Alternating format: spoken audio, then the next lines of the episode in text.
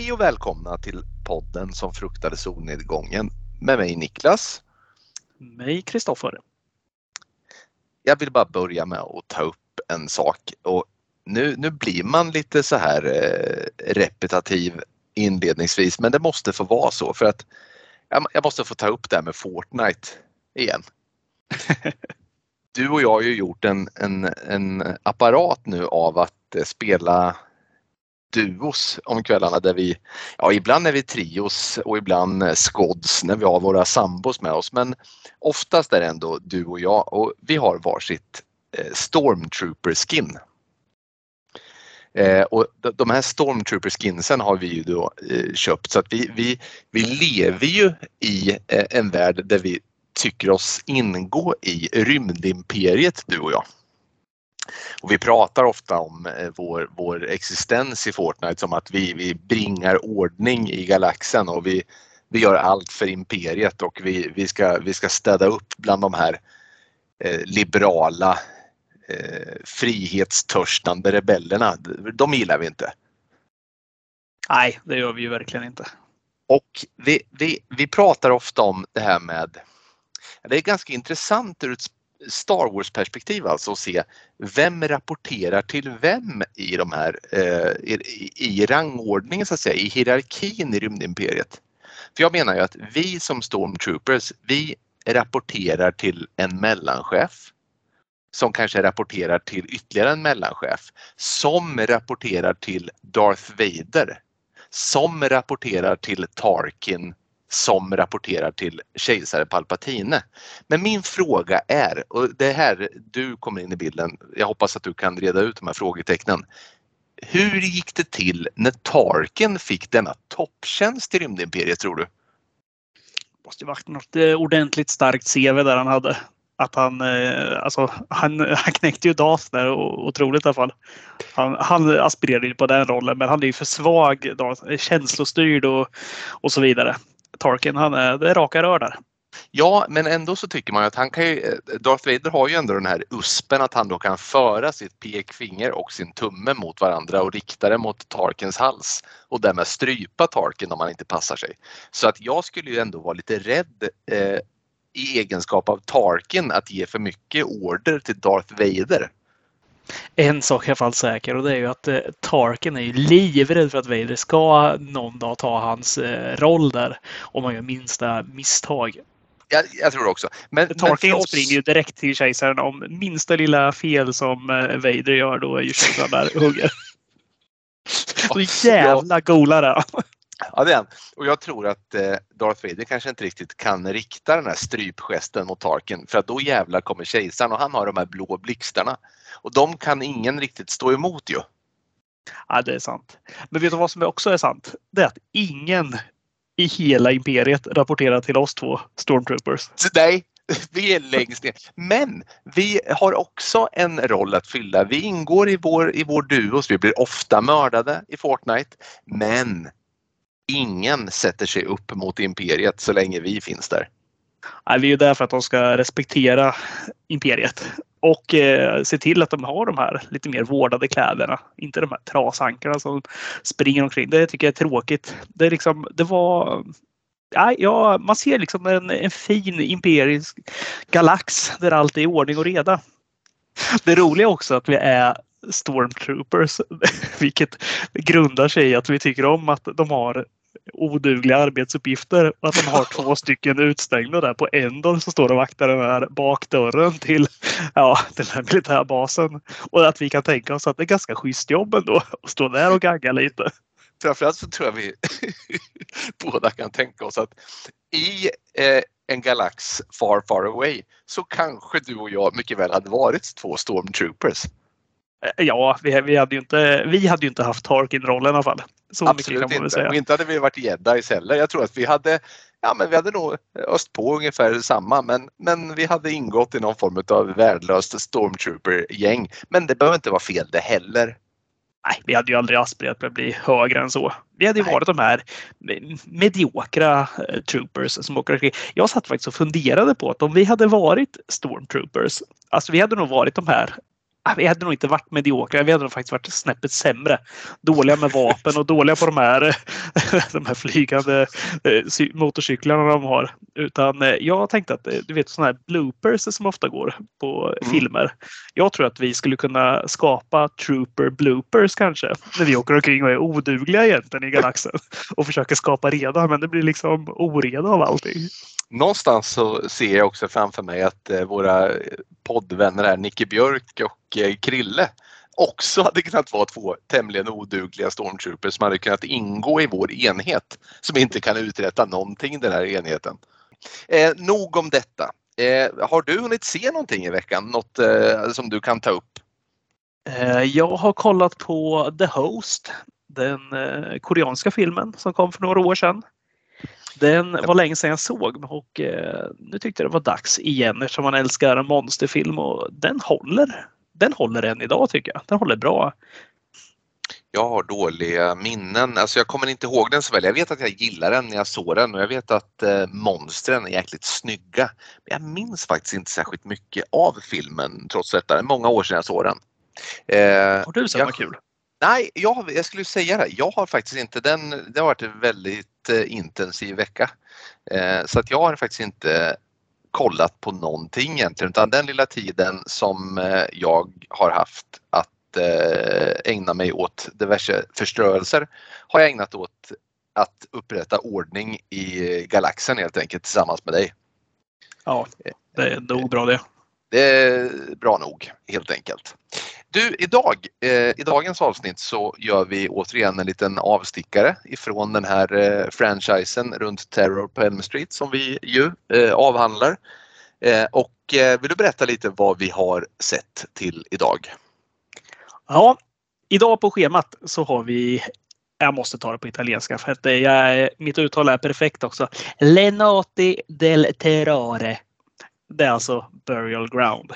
Eller som den också heter. Jag vet inte, har du sett den? Den har ju ganska många namn. Vi har dels där italienska, sen har vi Nights of Terror, Burial Ground, Night of Terror, The Zombie Dead eller Zombie 3. Det är någon förkärlek till att ge filmer många namn de här, som italienarna hade där på 80-talet den här Burial Ground då, från 1981 i regi av Andrea Bianchi. Ha, vad, vad, säger du om italiensk skräck innan vi börjar dissekera den här filmen? Är du något fan?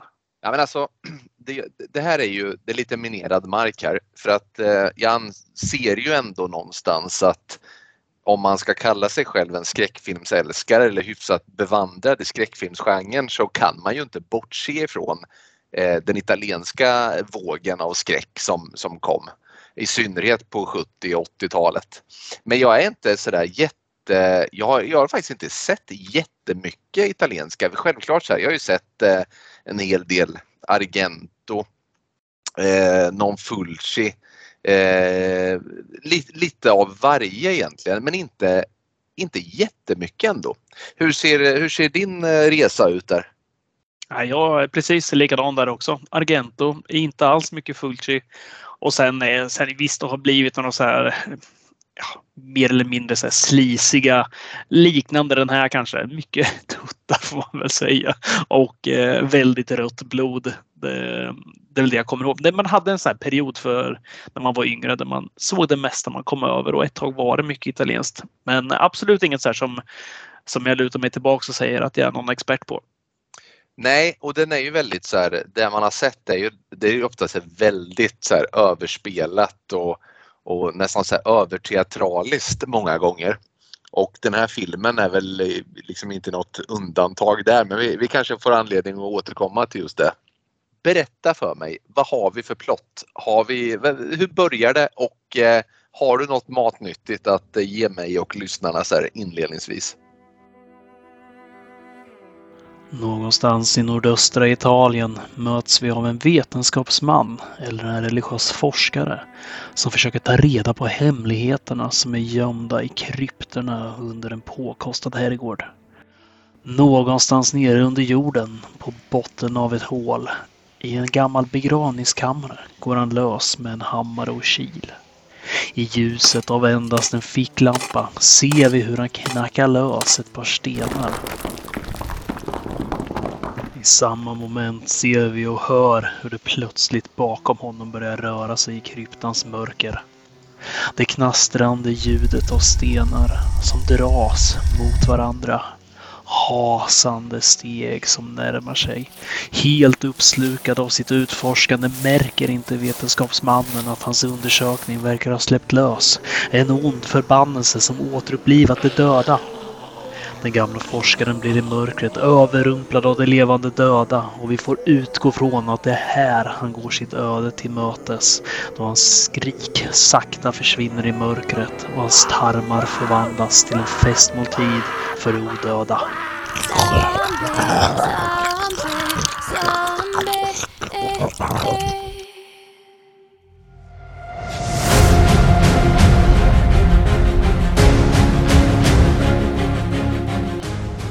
Ja, alltså precis. Tack för en mycket fin eh, och vi ska säga, ett svårare uppdrag än vad man kanske kan tro i den här typen av simpel film är att på något sätt sätta fingret på vad fan det är som händer inledningsvis. Men det gör du med den äran.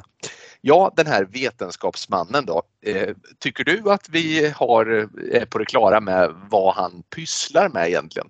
Vad han, vad han ägnar sig åt? Nej, det har vi inte. Vad är det han sitter och säger? It's impossible. Ja, jag visste det. It's impossible. Ja, ja, precis. Vad var det? Liksom, det börjar med att eh, någonting är omöjligt men han hade det på känn ändå någonstans här. Och han är ju inte, det är inte så att han är 200 meter under jord heller. Det, är liksom, det, det, här, det här är ju ändå någon så här uråldrig hemlighet som han har kommit över i hyfs, som är, verkar hyfsat tillgänglig ändå. Vi kan väl börja med att säga så här, alltså den här vetenskapsmannen, hur ser han ut egentligen? Alltså om du skulle ta en galen vetenskapsman, alltså normen för hur en galen vetenskapsman ser ut. Skulle mm. du säga att vi har han här? ja, det här är ju, det här är alltså, ja, det är ju tomte-Gandalf som, som, som så här, vi kan väl tänka oss att de som ingår i staben här kring den här filmen, det är väl inte jättemycket mycket kontakt med olika lärosäten och universitet får vi tänka. Eh, men de har då använt sin samlade kunskap och sin samlade bild över hur en galen vetenskapsman borde se ut. Ja, men han, precis, han knackar och han, han väcker ju uppenbarligen någon form av uråldrig ondska till liv här. Och det vi måste bara röra vid först här nu då. För att det, de spar ju inte på krutet. Det tar ju, ja, tar det en minut innan, innan vi får se de två första zombisarna komma? Ja, det, ja, det går så snabbt. De är, det, ja. Han knackar, alltså får du någon rätsida på vad det är han gör eller vad det är han liksom som, vad som triggar denna förbannelse? jag satt och funderade också där. Först tänkte jag att så här, det kanske är en jävla grav eller någonting. Han öppnar liksom dörren till den här gravkammaren. Jag, jag försöker hitta logiken. Alltså jag måste hitta någon röd tråd bara hur de får ihop det. Men nej, han, han knackar lite. Jag tror inte de hade någon eh, grotta liksom att filma i så att eh, han står och knackar lite i en vägg bara. Mm.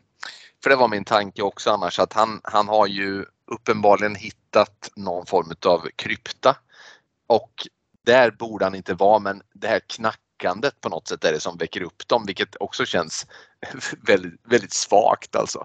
Det räcker att knacka i lite sten så här. Med tanke på att den här kryptan ligger ett par meter under jorden så borde ju de här knackningarna ha nått de här zombieöronen tidigare. Ja, det är väldigt märkligt så här inledningsvis då. Men vi ska inte vara sådana nu utan eh, det, det är eh, vad tycker du om Goret eller liksom den här första liksom attacken då? Som han, han går ju åt som sagt vad, vad tycker du om den? Nej, men den tycker jag ändå är okej okay, faktiskt. Jag, jag, kan tycka att gåret i den här filmen ändå är det är ett plus. Sen att det är det här, alltså, nu är det ju tidig 80-tal, men det är 70-80-tals blodet där. Det är alldeles för ljust. Det är nästan så här neonfärgat. Mm. Och sen, men annars tycker jag ändå den, det är inte det jag klagar på. Det tycker jag håller. Ja, de biter honom i halsen och sen tuggar, okänt organ tuggar de ju på sen. det genomsyrar hela den här filmen skulle jag säga. Okänt organ tuggar de på. Exakt Ja. den repliken skulle jag vilja återkomma till om tio minuter igen. ja, för att det är ju så här. Ja, det är väldigt oklart. De tuggar ju ofta på organ, men eh, som sagt var, det, ja, vi, vi får återkomma till det igen då. Men vet du vad jag vill ta upp bara? Som är så jäkla bra tycker jag. Eller som är roligt. Det är just när de här det är ju två eller tre stycken som, eh, som man ser här ta, som reser sig ur sina gravar och Mm. börjar vandra fram till den här professorn. Hans reaktion där. Vi- Nu har ju vi sett den här dubbat eftersom den dubbade tydligen ska vara det, den lättast överkomliga och eh, den bästa varianten. Kommer du ihåg vad han säger för någonting? I'm your friend, I'm your friend, säger han till de här zombierna. Jag vet inte, men när odöda reser sig ur sina gravar så är det sista jag skulle säga I'm your friend. Speciellt när jag själv nere i en liten eh, katakomb också. Ja, Här, alltså den här gubben, han är ju som David Attenborough här när han får syn på någon liten fågel eller någonting som han försöker gå fram till och sen alltså bli vän med. Det, det, är, så, det är så dumt. Alltså hela den här första den här första scenen, allt det här händer ju på, alltså jag tror inte ens vi pratar fem minuter. Utan det här är, allting går ju väldigt snabbt. Det enda det som det. inte går snabbt, det är ju zombierna. De går absolut inte snabbt. man skulle säga att det är, alltså det finns, där finns det ju, vi har ju den här lite nyare vågen som kom med springande zombies. Vi har ju den här 28 dagar senare och nyinspelningen eh, på Romeros Dawn of the Dead där av Zack Snyder och även World War C va? med Brad Pitt springer de. Alltså de rör sig snabbt zombiesarna. Det var ju en ny Mm. våg som kom av sådana filmer. Normalt sett är ju standardutförandet att de rör sig långsamt knappt lunkar utan de, de rör sig långsamt. Men det här är någon form utav åt andra hållet. Då. Det är unikt hur långsamt de rör sig. Men eh, ja, det, det är en liten så egenhet i den här filmen. Och det finns fler egenheter kopplade till de här zombiesarna men jag tänker att vi, vi kommer till dem lite längre fram. Eh, jag tror så här, vi har nog eh, avhandlat början så gott vi kan. Vill du ta in oss i mellanpartiet här och se lite vad som händer?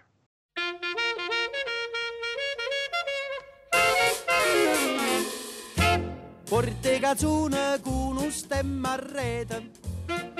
Tre dyra bilar rullar in på herrgården och tre par anländer. Vi har George och hans fru Evelyn och hennes unge son Michael. Den mustaschprydde James och hans fru Leslie. Den unge fotografen Mark och hans vackra flickvän Janet. Vi får veta att de blivit inbjudna av professorn, det vill säga vetenskapsmannen som vi tidigare såg utforska grottan, för att diskutera hans senaste upptäckter då han studerat folkslaget etruskerna som levde i denna region för länge sedan och något gällande de dödas överlevnad.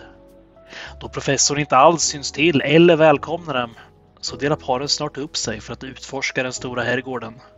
Under tiden paren njuter av naturen och, ja, varandra ah så bevittnar tjänstefolket på herrgården hur lamporna i taket plötsligt börjar smälla oförklarligt.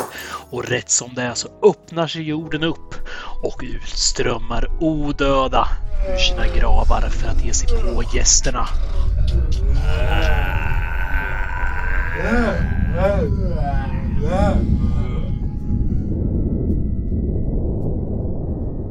Tack så mycket för att du har gjort allt du kan för att ge dessa karaktärer någon form utav eh, drag och särdrag då det vi vet om dem är förbluffande lite alltså.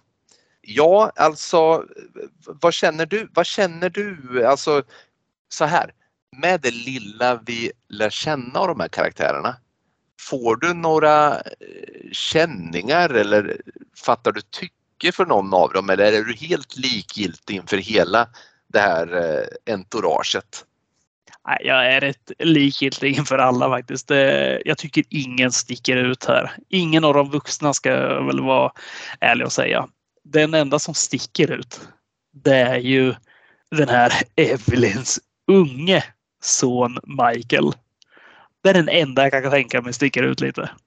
Ja, det är ju en oerhört bedrövlig karaktär alltså. Det är ju en, eh, för det första så är det ju en, eh, en fullvuxen man men med ett ganska speciellt yttre. Jag vet inte, tankarna gick lite till Twin Peaks när jag såg honom. Ja, det är väldigt likt det här eh, Pietro Barzocchini som spelar Michael. Han står som Peter Bark i eftertexterna. Han var ju 25 bast när han spelade den här rollen. Och då ska vi tillägga att den här sonen antagligen inte ska vara äldre än, jag skulle nog säga 8-9 år och inte eh, äldre än så. Exakt vilket är min första, det var det första jag skulle ta upp för att jag har ju såklart, jag har ju kollat upp åldern på honom eftersom det, man slogs av att han ju är fullvuxen fast med ett, med ett säreget yttre. Varför tar man inte bara ett eh, barn som kan vara med i den här filmen? Eller är det för att den är en, en mjukporris tror du? Det är exakt så. Jag har faktiskt läst på det där också. Det är för att eftersom den här filmen har ganska många inslag av eh, naket och väldigt mycket ologiska sexscener. Jag tror att vi redan har i den här delen av filmen där vi är så har vi nog redan avhandlat tre stycken som vi har bevittnat. Och i Italien på den här tiden så fick man inte ha barn, alltså omyndiga, i scener där det förekommer sexuellt innehåll. Så därav var de tvungna att kasta en, eh, ja, en myndig person.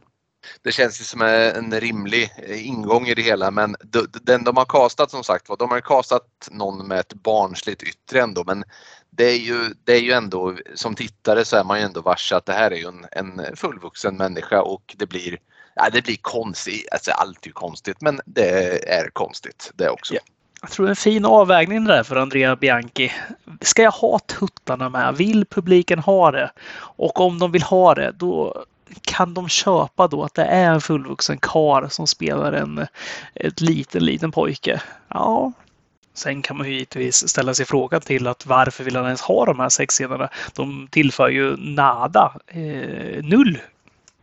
Ja, precis, för att det är ju trots allt så att det är fullt av sådana scener men de fyller ju inte någon som helst funktion för att vi, vi, liksom, vi är ju inte ens invaggade i, i hur deras liksom, hur deras förhållanden ser ut gentemot varandra i det här gänget som dyker upp på herrgården utan det blir liksom bara ett mischmasch av, ah, jag, jag vet inte vad jag ska säga, det, det, är, eh, det är synnerligen märkligt i alla fall. Jag tror inte vi har någon, eh, att de här känner varandra på något sätt. De, eh, det känns ju som att det är lite överklass fall som kommer hit. De har eh, fina bilar och de liksom är välklädda eh, och så vidare. Och sen äh, får vi reda på att den här professorn då har kallat dit dem innan han har försvunnit för att gå igenom sina forskningar. Så att ja, men det som är de här männen som kommer dit. De är ju, ja, alltså vi har ju den här George då som har eh, Evelyn och eh, den här sonen. Jag tror inte det är hans son. Jag vet inte om man får veta det, men när han dyker upp där i sin den här röda polotröjan och den här klassiska 70-tals porrfrillan. Den är eh, Alltså det, han är så bedrövlig också. Han är så toksämst bara. Ja, det, det, är också så här, du och jag har ju en liten så här intern grej där vi brukar säga att varandra är lika massor människor som eh, vi inte är lika. Eh, och då skrev jag till dig eh, efter att ha sett den här filmen att du är väldigt lik George. Och det, det var ju någon form av, av, av alltså, du är ju inte lik George, alltså, för det är ingen människa som är lik George för att han är unik i sin märklighet som sagt var. Det är sen där halsband över den där röda polon också som får honom se ännu så här vedervärdigare ut. Ja, herregud. Ja. Hans fru dock, Evelyn, hon ser väldigt trevlig ut istället. Ja, det gör hon. Välbevarad Obegripligt hur, hur, de, hur, hur den konstellationen liksom dök upp. Och anledningen till att man får uttrycka sig så här och säga att eh, kvinnorna är vackra i den här filmen, att ta den tonen, det är för att det är ju exakt den enda roll de fyller också. Männen är odugliga, kvinnorna är vackra. Alltså det är mm. så mycket presentation av karaktärerna vi får.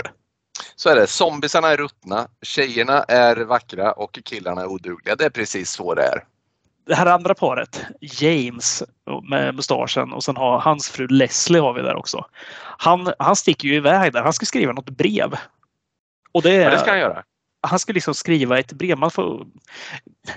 Okej, okay, den är från 81 den här filmen. Men han ska alltså skriva ett brev och det är något som han sticker iväg för att göra. Det är som att han ska skriva en memoar när han ska skriva sitt brev. Man undrar vad det är för någonting han ska skriva. För det är otroligt viktigt i alla fall. Inte så viktigt så att han inte eh, behöver göra det själv utan han kan ändå ta med sig eh, frun där. Ja, han sätter väl sig eh, mot något träd va? och skriver lite och sen så eh, tycker hon att eh, han borde ägna henne lite uppmärksamhet istället. Vilket han ju gör då i en väldigt lång scen. I en väldigt lång omfamning och alldeles mycket kläm. Ja, precis.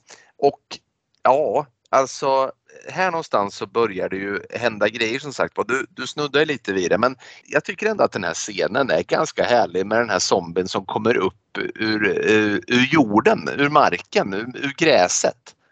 Den är jag gillar härlig. den. Ja, men den är, den är fin. Den är ju inte just där de är. Det är ju den här andra fotografen Mark och hans eh, flickvän Janet.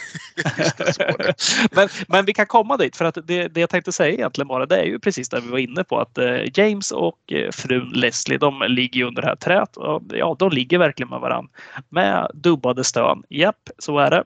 Och eh, samtidigt så eh, George och hans fru Evelyn, de båtar ju på varann inne på hans rum. Vi har även från den här fotografen då, den här Mark som är ute och sexar till det tillsammans med Janet ute där i, i naturen.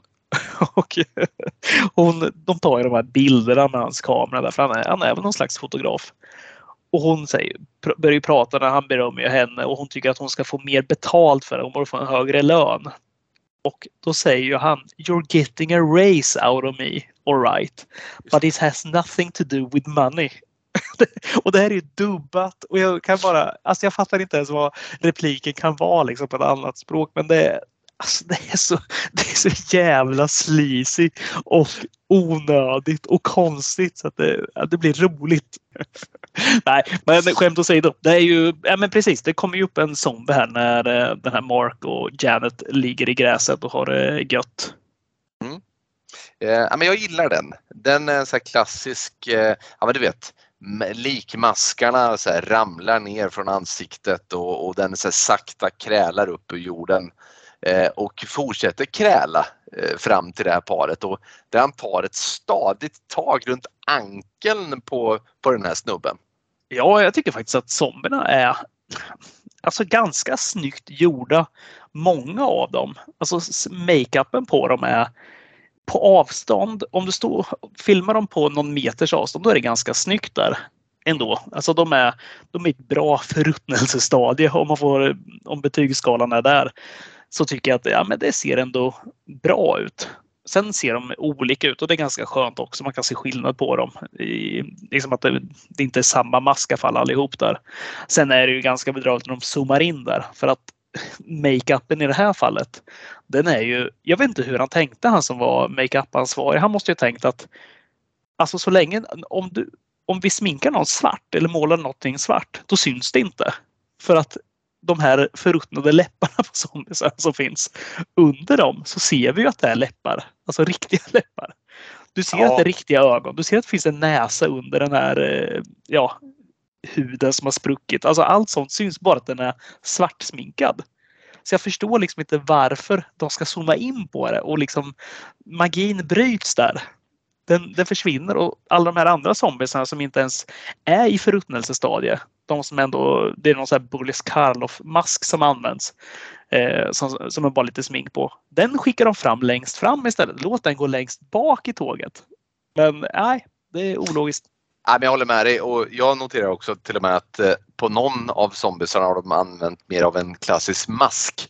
Och det här hålrummet då som ska utgöra liksom eh, munnen, ja men där är det stängt ser man. Så att eh, hade man liksom, det finns ju ingen risk att bli biten av den där för det finns liksom inget, det finns inget den kan bita med för det är bara, det är bara stängt rakt över käften. Liksom. Eh, så att ja, vissa detaljer var, var, vissa var snygga och de hade de kunnat fokusera på och de, låta de andra vara i bakgrunden för att jag gillar ändå att det är eh, riktiga människor som de har sminkat upp och som rör sig i horder. Ja men det är all heder till det arbetet tycker jag. Men du, då vill jag lyfta en annan sak här. Jag tycker den här scenen också är härlig. Att det är en av filmens bättre just när den kommer upp i backen där. Den ena zombien. För är, vi pratar ju om hundratals zombies här. Eller i alla fall 50-tal. Det är ju, de, de kommer från alla håll. En del kommer upp från gravarna, en del kommer upp i backen och ja, en del bara kommer ut ur skogen.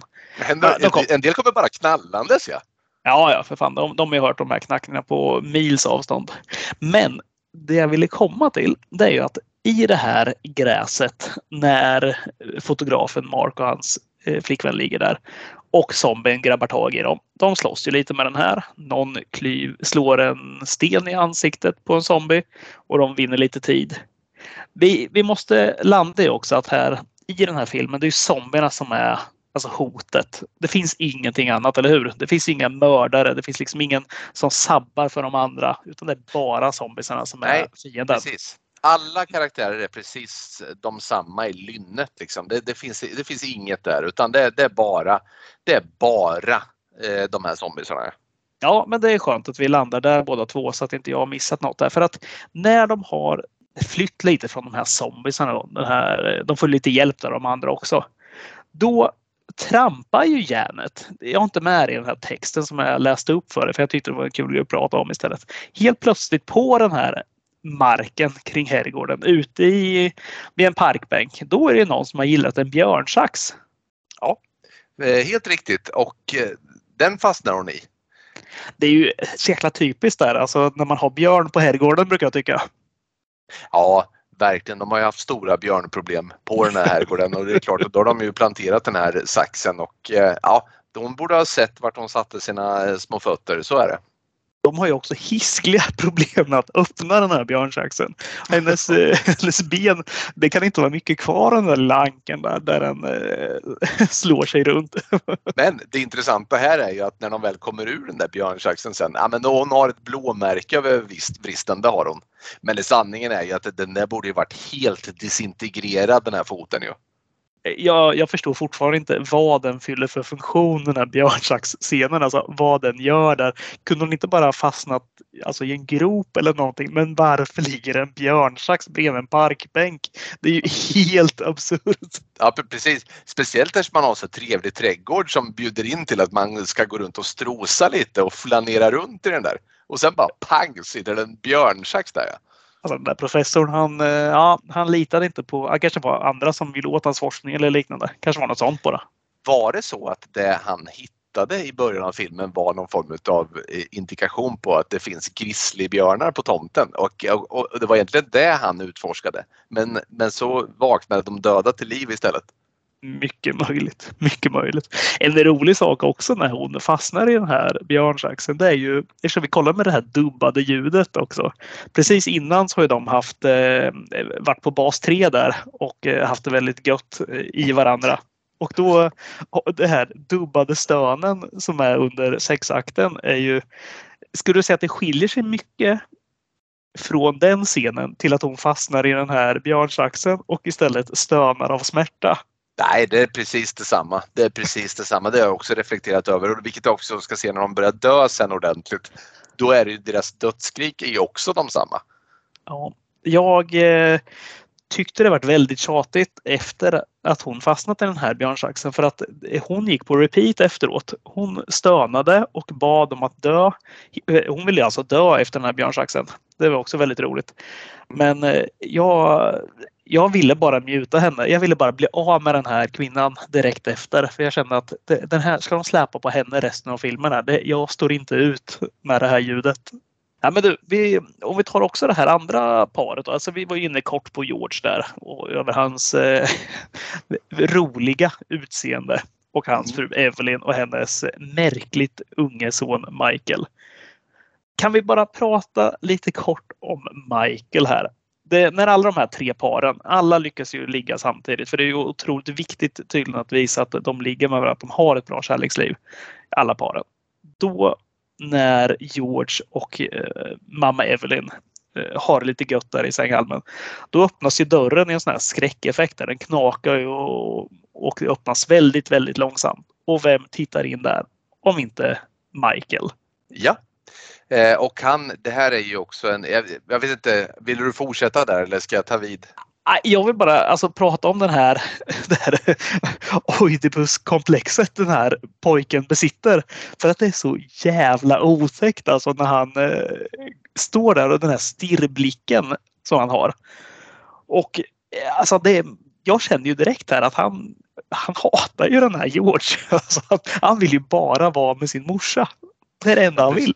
Precis, och han vill ju vara med sin morsa på fel sätt. Så får vi väl säga också.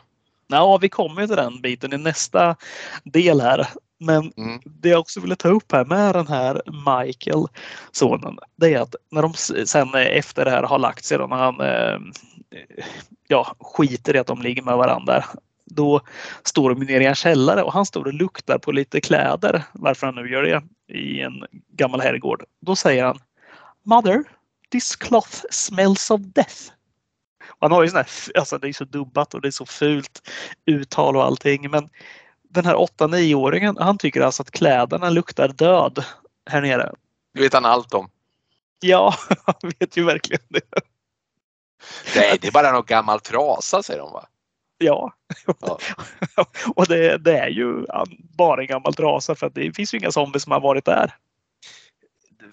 Visst väcker det där känslan av att han Michael har ju gjort ohyggligheter mot smådjur tänker jag. Ja, det gör det. Jag tänker bara på Norman Bates hela tiden. Alltså när jag, från Psycho när jag ser den här relationen han har till sin mor och, eh, och blicken och hur han för sig och allting. Han är ju väldigt obehaglig. Det är en eh, pojk som skulle eventuellt växa upp till att bli något ohyggligt. Ska vi lämna del två också där eller? Vi gör så. Jag, jag tror att vi, nej, jag tror nog att vi har lyckats. Eh, vi, du har kramat och kramat den här trasan fri från vattendroppar tror jag. Så att vi ger oss på del tre. Låt höra. Utan telefoner och utan en säker väg tillbaka till sina bilar. Helt avskärmade från omvärlden. Jagade av de odöda söker gästerna skydd och barrikerar sig i säkerhet i den gamla herrgården. Vissa av dem är redan här så allvarligt skadade att det knappt kan gå. När natten vankas och mörkret lägger sig över det gamla slottet så kan gästerna höra de odöda vandra omkring utanför. Och plötsligt, trots alla barrikader, lyckas de mirakulöst ta sig in. En efter en faller våra gäster offer för de långsamma men livsfarliga zombierna. Och de får bevittna att blir du biten, då tar det inte lång tid innan du själv blir en vandrande död. Efter en hård natts kämpande så är gästerna decimerade till endast fyra stycken. Och när morgonen nalkas så lyckas de fly ut till ett närliggande kloster där de ser en munk vandra in. I hopp om att munkarna här inne ska kunna hjälpa dem så springer de ikapp.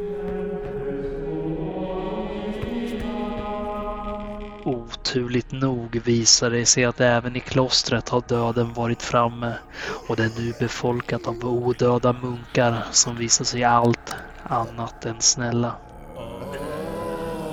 I panik gömmer sig de få som ännu är kvar vid livet i en närliggande verkstad. Trötta och känslomässigt uttömda så kan de inte stå emot den sista attacken från de vandrande döda.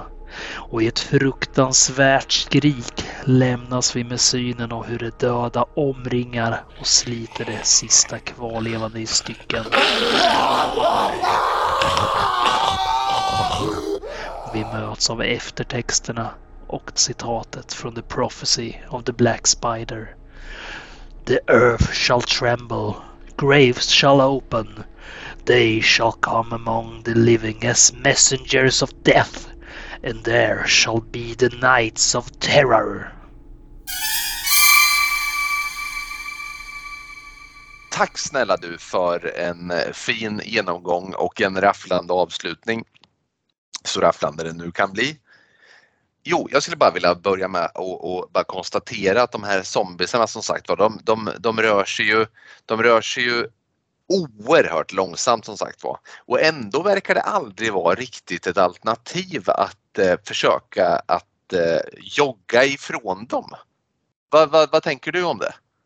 Nej, men det, det är något man givetvis sitter och tänker på också här. Jag, jag har ju svårt att alla tänker som professorn är att de är snälla de som kommer, att de vill vara deras vänner utan eh, de eh, fryser av rädsla. Det är enda logiska jag kan tänka mig.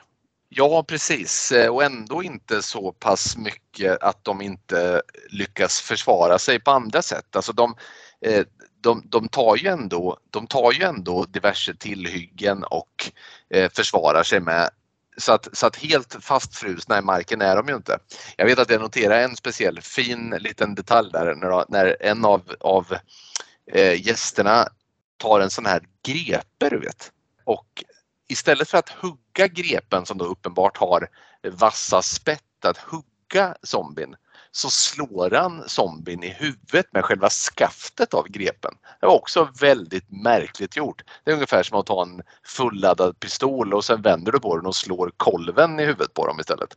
Eh, märkligt val kan jag tycka de testar ju lite fram här. Det är ju ett sånt parti i filmen här precis när alla kommer in här. Alla flyr ju in i, eh, ja, i slottet där på herrgården ja, då står ju den här George och Evelyn står ju och prickskjuter och testskjuter någon pistol nere i källaren. Varför man nu gör det i ett eh, slott man är på besök i, där man är som gäst, ställer sig och skjuter pistol i källaren som man har med sig. Känns... jag hade blivit lite arg om någon gick ner i min källare och började skjuta, men ja, skitsamma. ja, ja, det... ja. Och de står, ja, i den här källaren också, just dit tar sig då zombisarna. De eh, går in där bara och George ställer sig här och försöker skjuta dem. Han måste skjuta ett magg. Han skjuter väl eh, sex, sju skott där med sin gamla pistol. Han skjuter dem i bröstet och det läcker lite sörja. Men eh, skulle du säga att det borde gå upp för honom att de här kanske inte Ja, det kanske inte är rätt vapen på dem. Nej precis, och kanske inte rätt träffområde med pistolen heller utan som sagt var de bryr sig föga om, om att den här typen av, av angrepp då. Det, ja. det, man, det, man, kan konstatera också, bara, vi, vi, kanske, du kanske hade en plan om att komma dit, men det man kan konstatera med de här zombiesarna är att de avviker ju faktiskt lite också ifrån gängse beteende från zombies. I, I, min värld så är även det är väl så att zombies, de utan någon större tankeförmåga bara drivs framåt av sin hunger efter blod och hjärna möjligtvis. De här tar till tillhyggen Ja, det gör de. Får, får jag bara flika in här innan där för att de får ja. död på den här första zombien eh, eh, som George skjuter på. Den, eh, går ju, de går ju fram till honom och har ihjäl honom för han fryser ju av rädsla där. Då. Och eh, sen tänder Evelyn tänder ju eld på några av dem och inser att de, man kan ju faktiskt bränna i alla fall. Och sen så när, när de står uppe på en balkong här så ser de alla de här zombiesarna komma gående och då skjuter ju James skjuter några i huvudet och inser att ja, men, men, som vanligt, man kan döda zombies om man skjuter dem i skallen. Mm. Och där kommer vi in på det här som du vill komma till misstänker jag med tillhyggen och så vidare som zombierna använder. Ja precis. Det är yxor som hugger sönder plank. Alltså de, de slår sönder glas och liksom krälar igenom. Det finns någon form av tanke i de här döda malätna kropparna. Ja, alltså när de är så där jäkla långsamma som vi ser att de är. Då har de ju ändå vissa muskler måste de vara som fungerar bättre än andra. För att vi har ju det här, alltså George går ju åt. Han är ju offer nummer två efter professor. Sen har vi offer nummer tre som är Catherine som är den här städerskan eller hushållerskan på, på den här herrgården. Hon ska ju stänga något fönster eller står och tittar ut. Kommer du ihåg det här? Ja, hon fastnar med, får handen fastkilad ja, fastkilad eller fastnar. Alltså hon, hon tittar ju ut och ser den här gruppen zombies och någon zombie sitter uppe i något träd eller liknande och sen kastar en kil. Alltså som naglar fast hennes hand. Den går rakt igenom handen. Och jag menar den här snigelhastigheten de rör sig har ju svårt att se att du kan få någon kraft i ett kast där. Det är ju det är som att Stephen Hawking skulle kasta spjut liksom. Det händer inte hotar Jan Selesnys världsrekord. De fick ju byta hans eh, spjut. Det är också så snävt så det behöver vi inte ens gå in på. Men äh, du, jag är enig. Jag är enig i vad du säger. Men hennes död här blir, den är ganska får man säga härlig, det är ju det ord man alltid använder. Men när hon hänger Ja. ut genom det här fönstret. Dels hennes hand är ju som sagt penetrerad av den här kilen. Mm. Istället för att böja sig framåt mot den här handen och försöka dra ut den. Då försöker hon dra sig åt andra hållet. Och det, det är Ja. ingen så här, vi, vi pratar inte om en liten spik som sitter nu utan vi pratar ju ändå om en, vad kan det vara, en diameter på 3-4 centimeter på den här kilen som sitter i handen. Den är, det är en redig kil som har gått igenom. Ja, den sitter där den ska. Men eh, hon förstår inte det här utan hon försöker fly från sin egen hand där. Och, eh, ja, ja, eh, och under henne då, alltså en, en och en halv våning ner, då samlas ju den här pöben av zombies som går med de här olika verktygen som du pratade om. Och en av dem har ju en lie i sin hand. Men den här stackars hushållerskan, istället för att dra in huvudet och sen ropa på hjälp där. Kan någon dra ut min kil? Vad gör hon för någonting? Nej, hon böjer sig ut lite mer där. Lagom höjd för en giljotin skulle jag säga. Ja. Och mycket, i världens långsammaste hastighet så skickar de upp de här zombierna. De skickar upp den här lilla lien precis lagom ovanför hennes huvud och sen Ja, är det den långsammaste sågningen? Nej, det är inte ett chop, det är snarare ett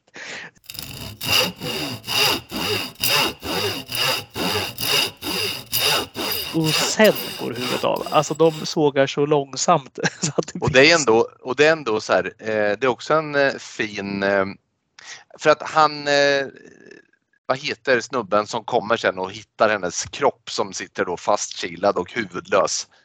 Är det inte Mustache James som kommer och, och Ja. blir varse? Ja, är Sen tycker jag att den här scenen är ju jäkligt, det, det, den har ju något ändå alltså. Han blir ju förfärad naturligtvis och det han gör då Eh, är att han, han liksom välter städerskan över räcket. Så att hon, så att hon liksom, och då får man se lite så här inzoomning på handen för att då innebär ju hennes tyngd att ja, hon är ju för tung för, för den här kilen och handen så att man ser att kilen sitter kvar men, men handen liksom slits upp och hon faller ner till zombisarna. Den har ändå nått den där scenen. Vet du vad den har? Det har ju att du får med de snygga effekterna. Att vi ser liksom kött som slits isär och att det lite går. Det har vi ju. Mm. Och det, det är Ja. det vi vill ha i en sån här film. Det, Ja, det går inte att sticka under stol men alltså det är det man kräver av en zombiefilm. Man vill ha det här eh, bestialiska och äckliga lite. Det, är- det är ju liksom zombies. Men det är ju helt ologiskt att han ska välta ut henne ur fönstret. För att du har den här lilla pöbeln av zombies som står där under. De står ju och letar efter henne. De hade ju stått kvar än idag om hennes lik hängde där. Istället Ja. puttar han ner det här. Och då, Ja, ger dem- vad gör Ge dem de? en liten festmåltid eh, så att han, där kan man ju för sig tänka sig att han, men de utnyttjar ju i så fall inte det att uppmärksamheten riktas mot den kroppen utan det, det, de, det, de gör ju inget med det. Men, men det är ju inte sagt- ens en festmåltid för, för de här zombies i den här filmen utan det är ju mer ett litet snack varje gång. De Ja. rycker en lever på en sekund och sen är de ju så här, ah, men nu letar jag efter nästa för att det, de sitter ju inte kvar länge utan Nej, men som sagt var, den, i allt sin så här, den, den, har ju, den är ju ologiskt men just liksom effektmässigt så, så är den faktiskt rätt snygg det faktum när, när, när hon släpper där. Det är, eh, det, något, något har det allt. Ja, men det har det. Sen har vi ju den här andra då, Leslie, som är då, jag som är James flickvän eller fru då. Hon eh, står ju också där och hon springer och ja, varför hon är ute själv där och går omkring i det här huset eller slottet. Hon blir utdragen genom ett fönster. Och hon- Just det. och det är också rätt snyggt där. Då hon får eh, liksom där en zombie handkrossar rutan och skärvorna hänger och tar tag i hennes eh, bakhuvud eller håret liksom och drar ut henne. Ja precis, Och de tar tag i skär- håret. Det är snyggt. Ja, Ja, precis. Och då skär ju liksom det här skär ju sönder ansiktet på henne helt och hållet. Den är, den är rätt brutal. Som sagt, den återigen, den har alltså effekterna och jag, nu vet inte jag vad den här filmen riktigt hade för budget. Det går väl att kolla upp antar jag. Men eh, det, det, krutet har lagts där och med all rätt för att det är de scenerna som blir hyfsat minnesvärda ändå. Ja, jo, men så är det. Så är det. Jag har ju spaltat upp alla offer här så att jag har dem i en ordning och för att komma till offer nummer fem då måste vi ta en viss scen här som vi måste gå in på i, i när allt det här händer. Alltså, våra karaktärer eh, betas ju av. En efter en faller de ju offer för eh, zombierna här. Då har vi ju den här Michael. Alltså, vi, vi kommer återvända till Michael ganska ofta här känner jag. Han, han blir ju rädd såklart. Han är ju bara en liten pojke, 8-9 bast där. I en fullvuxen karskropp. Och han blir ju så rädd så han springer till sin mamma här. Kan du, kan du hjälpa oss lite med den här scenen Niklas? Ja, jag, alltså, jag hamnar i en så här prekär situation igen när jag måste, när jag måste eh, ta i sånt här. Men eh, ja, jag ska försöka göra det. Vi har fått veta att Michael har ett mycket osunt förhållande till sin mor. Eh, som bland annat grundar sig i att han har då ammat henne alldeles för länge och tillåtits amma henne alldeles för länge. Michael gör någon form av närmanden mot sin mor som agerar i vredesmod och klappar till Michael. Så Michael blir ledsen och springer sin väg. Det tar inte lång tid innan mamma ångrar sig och springer efter Michael för att be om ursäkt. Och när hon då kommer in i någon form av, av rum så har Michael eh, lidit en ohygglig död. Och återigen sitter det någon form av, av ja det är ju för, för övrigt den här eh, som sitter där och tuggar på ett det är ju Leslie som sitter och tuggar på ett okänt organ igen. Det, Ja. ser ut att vara armen. Jag vet inte om det är armen men, men för att han, senare tycks han Michael återvänder ju sen som en zombie och eh, vad jag tycker det ser ut som så har han ju två armar då igen. Du, Eh, jag kollade på exakt samma sak där. Jag började studera. Har han två ben? Har han två armar? Och han hade allting. Han har inget eh, märke heller. Så att eh, vad hon nu äter på, hon kanske har tagit fel bara. Det kanske stänkte lite blod på någon stolsben eller någonting som låg där. Ja, jag menar, nej, det är jag- ju ett rejält organ hon tuggar på. Ja, tämligen säker på att det ska vara en arm det där. Det, Ja. Men det är jobbigt att sminka dit, eh, sminka bort en arm. Ja, det är det verkligen. Nej, men det, men det är också en ganska brutal scen för han ligger ju då död och hon sitter och maniskt tuggar på hans arm bredvid och mamma, det måste man också säga, hon blir ju naturligtvis förfärad och springer fram till sin son men med ryggen mot Leslie. Det, jag hade ju inte känt mig helt bekväm med att ha en, en armätande zombie två meter bakom mig när jag sitter och kramar eh, kramar Michael. Det, det, det är en eh, Ja, men det är en ganska brutal scen faktiskt.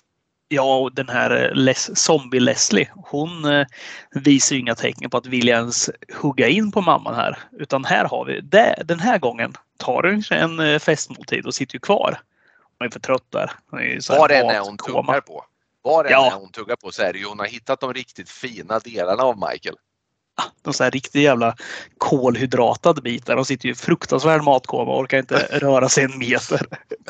Men eh, morsan flyger på henne där och dunkar huvudet i, i badkaret. Hon har väl ihjäl henne där till slut. Ja, det gör hon. Men om och om igen någon form av vredesmod. en attack. Ja, sen är det ju någon, det är någon inzoomning där på badkaret. Det är någon slags vätska som rinner ner i, i, sinken, liksom i avloppet där. Man får väl anta att det är någon slags järnsubstans eller ja, jag vet inte vad det kan vara. Den, är, den vätskan är ganska lik den vätska som vi bland annat ser i bröstkorgen på de zombiesar alltså som blir skjutna med pistol. Det är någonting som droppar där inne. Det är oklart vad men ja, något ohyggligt i alla fall. Om, eh, om teorin stämmer så har ju vi det där i oss också för Leslie har inte varit zombie särskilt länge. Nej, nej precis. Det, det, det, troligtvis vätskor av diverse slag. Obehagligt. Ja, men eh, hon Evelyn, mamman då, hon blir ju väldigt nedstämd givetvis utav det här. Det är väldigt fult att säga nedstämd också när sonen precis har blivit zombievarelse. Ja, ja, det, ja, men, men... Och de här andra bedrövliga karaktärerna, de springer genom slottet fram och tillbaka där och det är, det är zombies som bryter sig in här och där. Och den här stackars Nicholas, det är ju den enda betjänten. Det är ju bara han och den här Catherine verkar ju vara som finns på det här stället. Han tar ju den här rollen som betjänt på största allvar. Alltså han är det är sån hierarki i det här, de här karaktärerna. Så att de här andra, de här jetset-paren som är där. De styr ju bara så här, men Niklas spring ut och barrikera dörren. Och han, yes sir, yes sir, hela tiden. Han, alltså han flyr från sitt liv från zombies. Och han håller ändå Ja. fast vid att kalla dem sir och tar order från den här mustaschprydda porrstjärnegubben som uppenbarligen är bedrövligt sämst. Och är, är, är han lite som den här orkestern på Titanic? Vet du? De här som, som de slutar inte spela, de fortsätter lira. De kommer dö men vi spelar till slutet. Han är, han är servitör till slutet den här mannen. Han får ju något uppdrag där han blir vägskickad och hämtar någonting. Det är ovidkommande vad det än är för någonting. Men när han är ute på det här uppdraget i, i slottet så springer han ju in i Nej men professorn, är du här? Och professorn han går ju där vindögd med blod på sina kläder. Han ser, han ser inte helt frisk ut skulle jag säga. Han spiller av sitt forna jag. Men som den röda tråden är att eh, skit i hur någon ser ut i en zombiefilm för att eh, varför inte tro det bästa om en. Gå fram och klappa om han. Fråga hur det är. Hur är det professorn?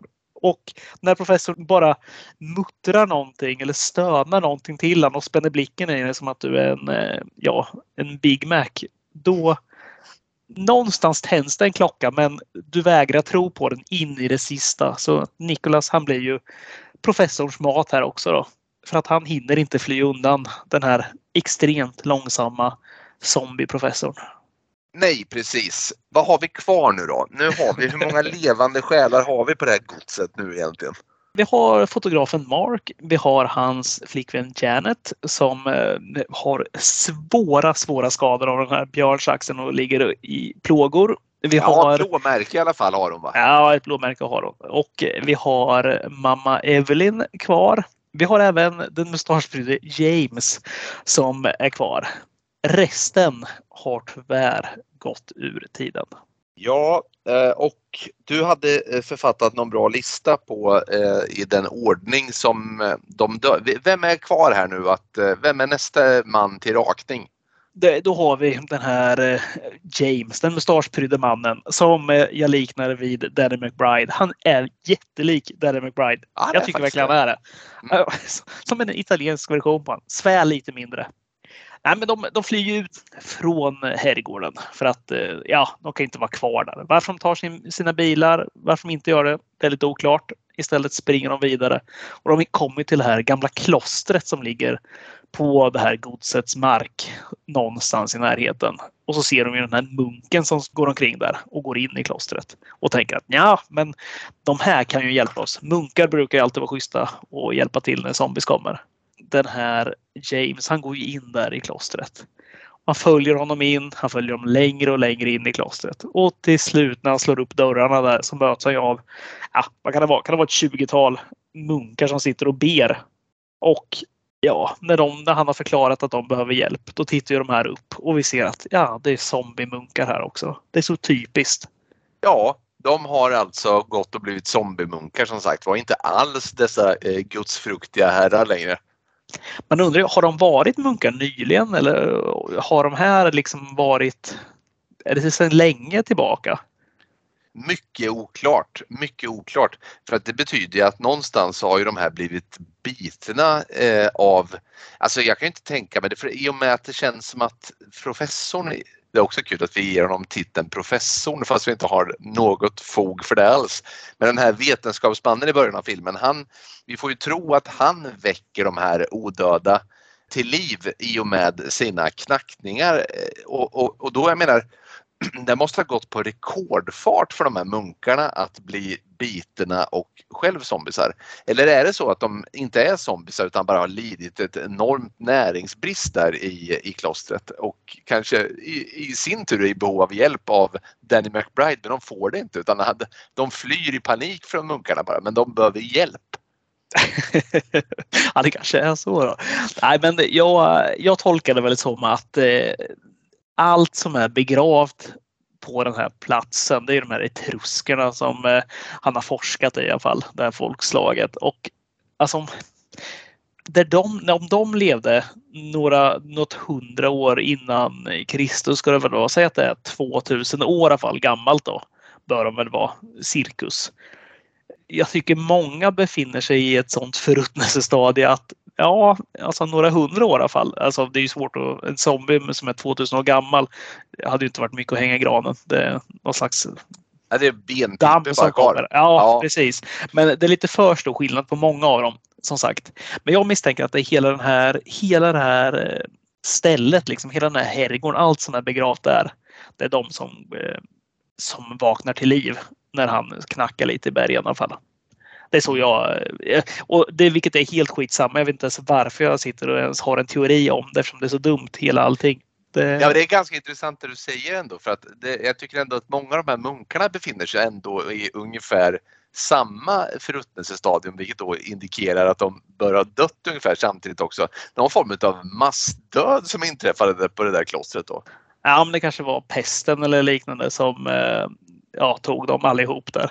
Det är Mm. tråkigt att tiden har ju inte tagit deras eh, kåpor utan eh, de är ju, sitter ju där fortfarande intakta. Ja, verkligen. Och, eh, men det måste vara någon form av insmorda i någon form av lättare formalin eller någonting. Eller formal, vad heter det så här, du vet, som man bevarar mumier. Alltså, Ja. De har ju ändå inte ruttnat så mycket som de borde ha gjort om det nu var digerdöden som såg dem några hundra år tidigare. Nej, vi ska inte hålla på och älta. Nu, nu Nej. är det så här bara. Det är så. Och, eh, men det är här i alla fall James går ju åt och han tittar ju in på de här munkarna och eh, bakom när han gör det och han förfäras över att det är faktiskt zombies. Då öppnas ju dörren och en zombie tar honom såklart. Och det är tråkigt. Så nu är det bara Evelyn, Mark och Janet kvar och Janet har fortfarande jätteont av skadorna från sin björnsax. Jag vill bara tillägga det för att eh, hon har det. Man hör det på henne. Någon, Ja, absolut. Blåmärken. och de, här, de flyr ju från klostret. De flyr in i någon eh, gammal modellverkstad som bara ligger i närheten och råkar ha en sån här perfekt sån här skräckfilms eh, gallerlås som man eh, stänger in sig. Det är någon slags torn här de går in i. Det är liksom bara ett, eh, jag skulle säga att det här byggnaden det är en cylinder med en liten dörr längst ner och sen har den en sån här rund trappa som går hela vägen upp. Ja, precis. Det ser ut som form- Highlander-tornet ungefär. Med, och så- Ja, exakt. Någon form av landfyr. Det är inte en vattendroppe i sikte, men en fyr lik förbannat. Och här, när de gömmer sig där inne, det är här vi märker att det är ju faktiskt väldigt många zombies. Det är ju det är inte de här tre, fyra stycken som har varit inne i och härjat i slottet utan nu är de ju ja, men de i alla fall 20-tal skulle jag tro som eh, står och ska in. Och Evelyn är ju förkrossad fortfarande över sin sons bortgång. Men nu han dyker upp här, Michael. Han tittar ju fram och han har en ännu stirrigare blick, om en lite död blick. Michael, is that you? Oh. Och hon omfamnar honom och han trycker ju sitt huvud mot hennes tutte. Och den här gången, ja, då skiter hon lite i det här. Han behöver ju inte en uppläxning utan hon låter ju han hållas där. Öppnar upp, tar en, ja, ta, smaka på tisseslicken. Ja, och det får hon ju, det får hon ju ångra så att säga då. Det, är, så äckligt och det är så sjukt men det är också ganska snyggt för att han tar ju sig en rejäl tugga där av eh, ja, hela vårtgården skulle jag väl säga rycks med här och delar av tutten. Det ser ut att göra mycket ont där. Det låter Och- så på henne också. Ja, det låter så på henne och hennes röst eh, är ju, hon har ganska distinkt röst också ju. Ja. Eh, ganska mörk, ganska mörkt skrik som kommer från henne. Alltså det, det är, eh, ja, det är förfärligt. Och det är ju som sagt var Michael, eh, hon noterar ju inte att eh, hennes eh, älskade Michael såg lätt åksjuk ut innan. Han han såg inte ut att vara sig själv om hon hade tittat riktigt noga. Men förblindad av sin egen glädje att återse sin, sin son så eh, låter hon honom hållas som sagt var. Ah, det gör ont. Den scenen gör ont. Ja, det gör väldigt ont och vi får väl aldrig riktigt veta vad som händer mer där. Hon omfamnas ju av de här andra eh, zombierna som väller in då. Inte från den här grinden utan de har en annan väg in såklart. Kvar nu, då står ju Mark och Janet som fortfarande har ont av björnsaxen. Och ja, vad, vad händer? De slåss lite mot dem. Mot de här zombiesarna. Mark försöker hålla bort dem. Men de Ja. är ju för många. De är ju så himla många de här somnelserna. Så de, ja, de omringar dem. Och ja, filmen slutar egentligen med att alla händer sträcks mot Janet och fryser. Vi ser bara, ja, vi ser väl ett 50-tal händer som ja, tar henne över ansiktet och eftertexterna börjar rulla. Eh, det är ju så. Vi får väl anta att de går åt eh, allihop helt enkelt. Eller att zombiesarna övergår i någon form av ultralångsam rörelse, alltså så långsamt så att de helt stannar av. Men det tror, det, så är det nog inte utan de har nog sått sin sista potatis där och då. Ja, sen har vi ju det här, alltså precis när eftertexterna börjar komma, då har vi det där något helt så random citat som bara är skrivet i, för den här filmen antar jag. Den här Prophecy of the Spider. Ja, just det. Kommer du ihåg den som dyker Ja. upp där? Ja, precis. Ja, och det är ju den här eh, The earth shall tremble, grave shall open, they shall come along among the living as messengers of death and there shall be the knights of terror. Prophecy of the black spider. Vet du vad som är kul med den där texten också? Uppenbart så är den ju, den är ju ganska sådär, eh, det är svag. Men eh, vad hade du i åtanke? Alltså att texten är svag, ja det är den ju eftersom den är liksom helt fiction. Det finns ju ingen koppling till någonting här.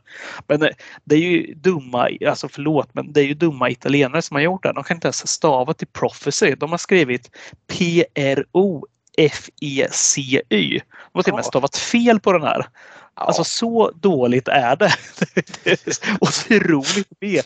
Men ja, skitsamma. Alltså stavfel, man ska inte klaga på någon som kanske har problem med, med läsförståelsen eller det borde finnas någon form av skyddsnät för de personerna. Så vi, nu ser vi över det här. Liksom. Men nej, det fanns inte riktigt. Ja, nej, men jag, jag kan ändå tycka om när man hittar på en sån här bok, liksom att det, det finns något som heter The Prophecy of the Black Spider. Sen att namnet är otroligt fult med Prophecy of the Black Spider.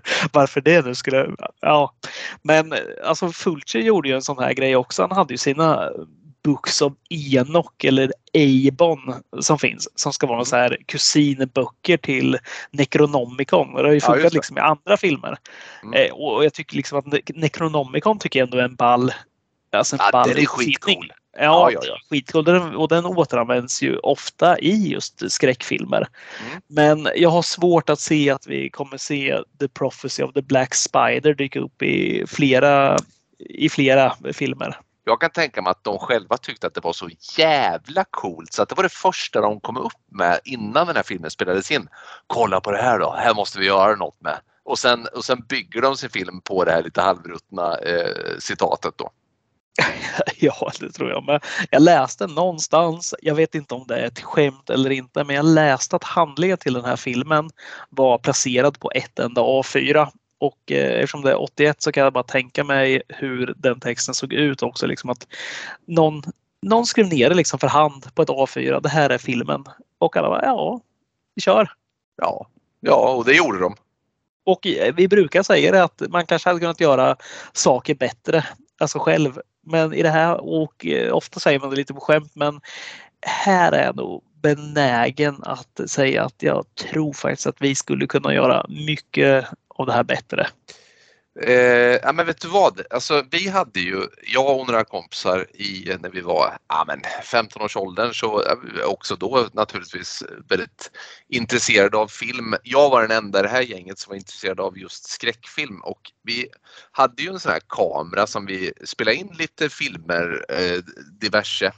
Och jag hade liksom, vi, vi gjorde då en film där jag var en mördare som förföljde en snubbe som var ute och gick. Och så i, i filmens sista orafflande sekunder så överfaller jag eh, honom eh, och så blir det någon form av eh, slut där. Jag menar att den filmen som heter Radix Lecti, vilket betyder soffpotatis på latin, den är ungefär lika dålig som den här filmen.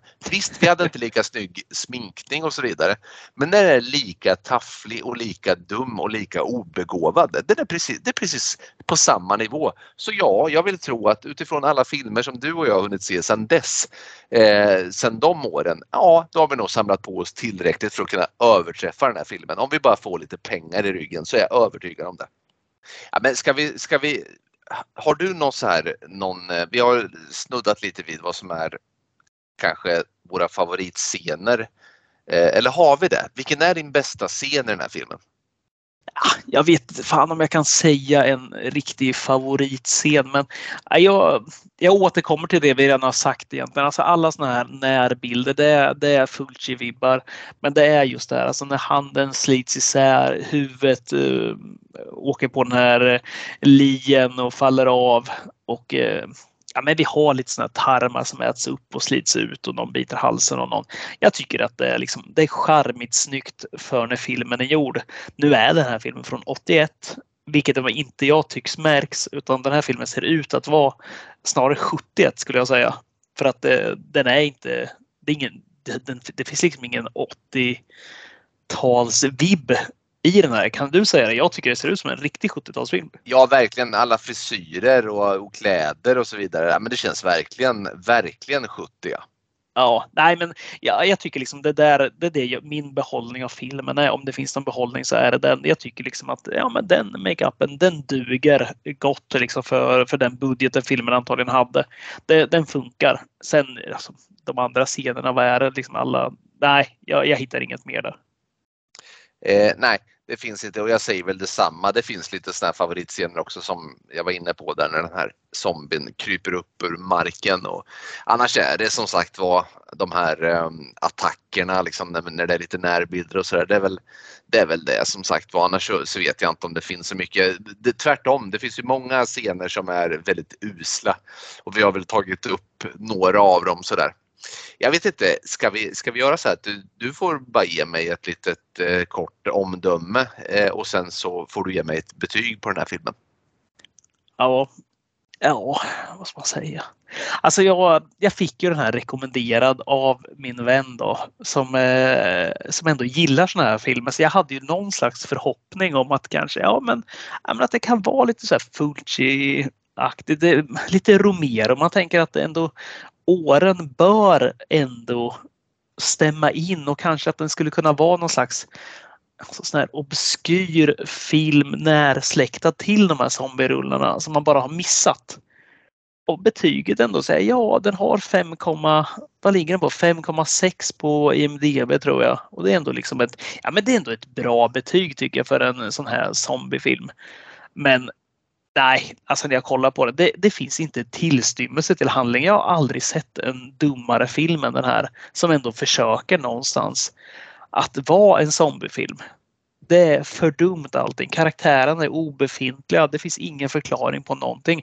Jag kan inte ge annat betyg än en etta på det här. Det är, och att det inte blir ett överstruket liksom, eller att det blir ännu lägre.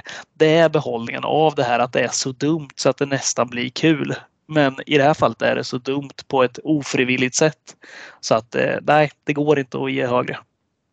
Nej, men jag är väl inne på lite samma linje som du. Det känns som att man med så små medel hade kunnat göra den här filmen så ordentligt mycket bättre. Jag fattar också att den är en, inte vet jag, är det någon form av så här, men du vet väldigt så grindhouse-vibbar naturligtvis. Men den, den, genom att bara göra små, små justeringar vad gäller karaktärer, små, små justeringar i vad som gäller plotten och så vidare, så skulle man kunna göra den otroligt mycket bättre. Och den enda behållning som finns nu i filmen som den ser ut i det här utförandet, det är lite av våldet då som sagt var för de som eh, verkligen gillar sånt. Jag är väl inte någon jättefan av det heller men, men, men det är det som är behållningen. Så mitt betyg måste också bli den kan inte gärna få något annat. Jag brukar säga om eh, vissa skitfilmer som jag ändå gillar att jag hade inte tråkigt en sekund. Jag hade inte roligt en sekund kan jag säga i den här filmen. Så är det. Och det är den dystra sanningen. Men det finns säkert någon där ute som det kan passa. Eh, absolut, säkert. Vilket betyget 5,6 på IMDB ändå vittnar om i all sin märklighet. Ja, nej, så är det. Det är kul att vi delar eh, ofta betyg även när det är bra som dåligt. Nej, det här är inte... Vi brukar säga att vi rekommenderar filmerna. Eller att vi... Ja, vi brukar säga att vi rekommenderar filmerna till våra lyssnare eller till vänner och så vidare. Men eh, nej, jag tror ingen av oss kommer någonsin se om den eller rekommendera till någon annan att se den här. Inte ens om du är ett fan av italiensk skräck eller vill djupdyka i eh, zombiegenren. Ja, kanske då. Kan, vill du se som eh, Fredrik Rosengren sa till oss. Vill du se incestuös zombieskräck? Ja, då kanske Burial Ground är något för dig. För att det är väl det den har.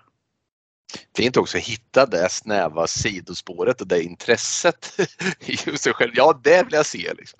Nej, det, det, ja, märkligt. Det, det, det, är en märklig film med en märklig ingång. Eh, verkligen. Jag kan säga så här. Till nästa vecka nu så tar vi upp eh, Nightmare on Elm Street eh, franchisen igen och kommer då avhandla del 4. Och det känns ju ändå som en så ganska bortglömd, känns som en ganska rutten del. Men vet du vad? Det känns lite som, när jag vet att jag ska se den filmen och lägga den här bakom mig så känns det lite som, du vet, man kliver av planet i Sverige efter att ha varit i något så varmt land och man kan andas igen den här friska nordiska luften. Lite så känns det nu när vi ska se del 4 av Elm Street istället. Men du, nästa, nästa vecka ses vi igen och eh, har du några, vad, vad gör jag av svartpepparn så länge? Svartpepparn, nejlikan, persiljan, you name it. Allting bara in med det i kylen. Det är det enda stället du någonsin behöver tänka på att förvara dina kryddor i. Sen går du bort till ditt fönster, tittar ut, du ser oss inte. För vi två, vi bara försvinner i nattens mörker.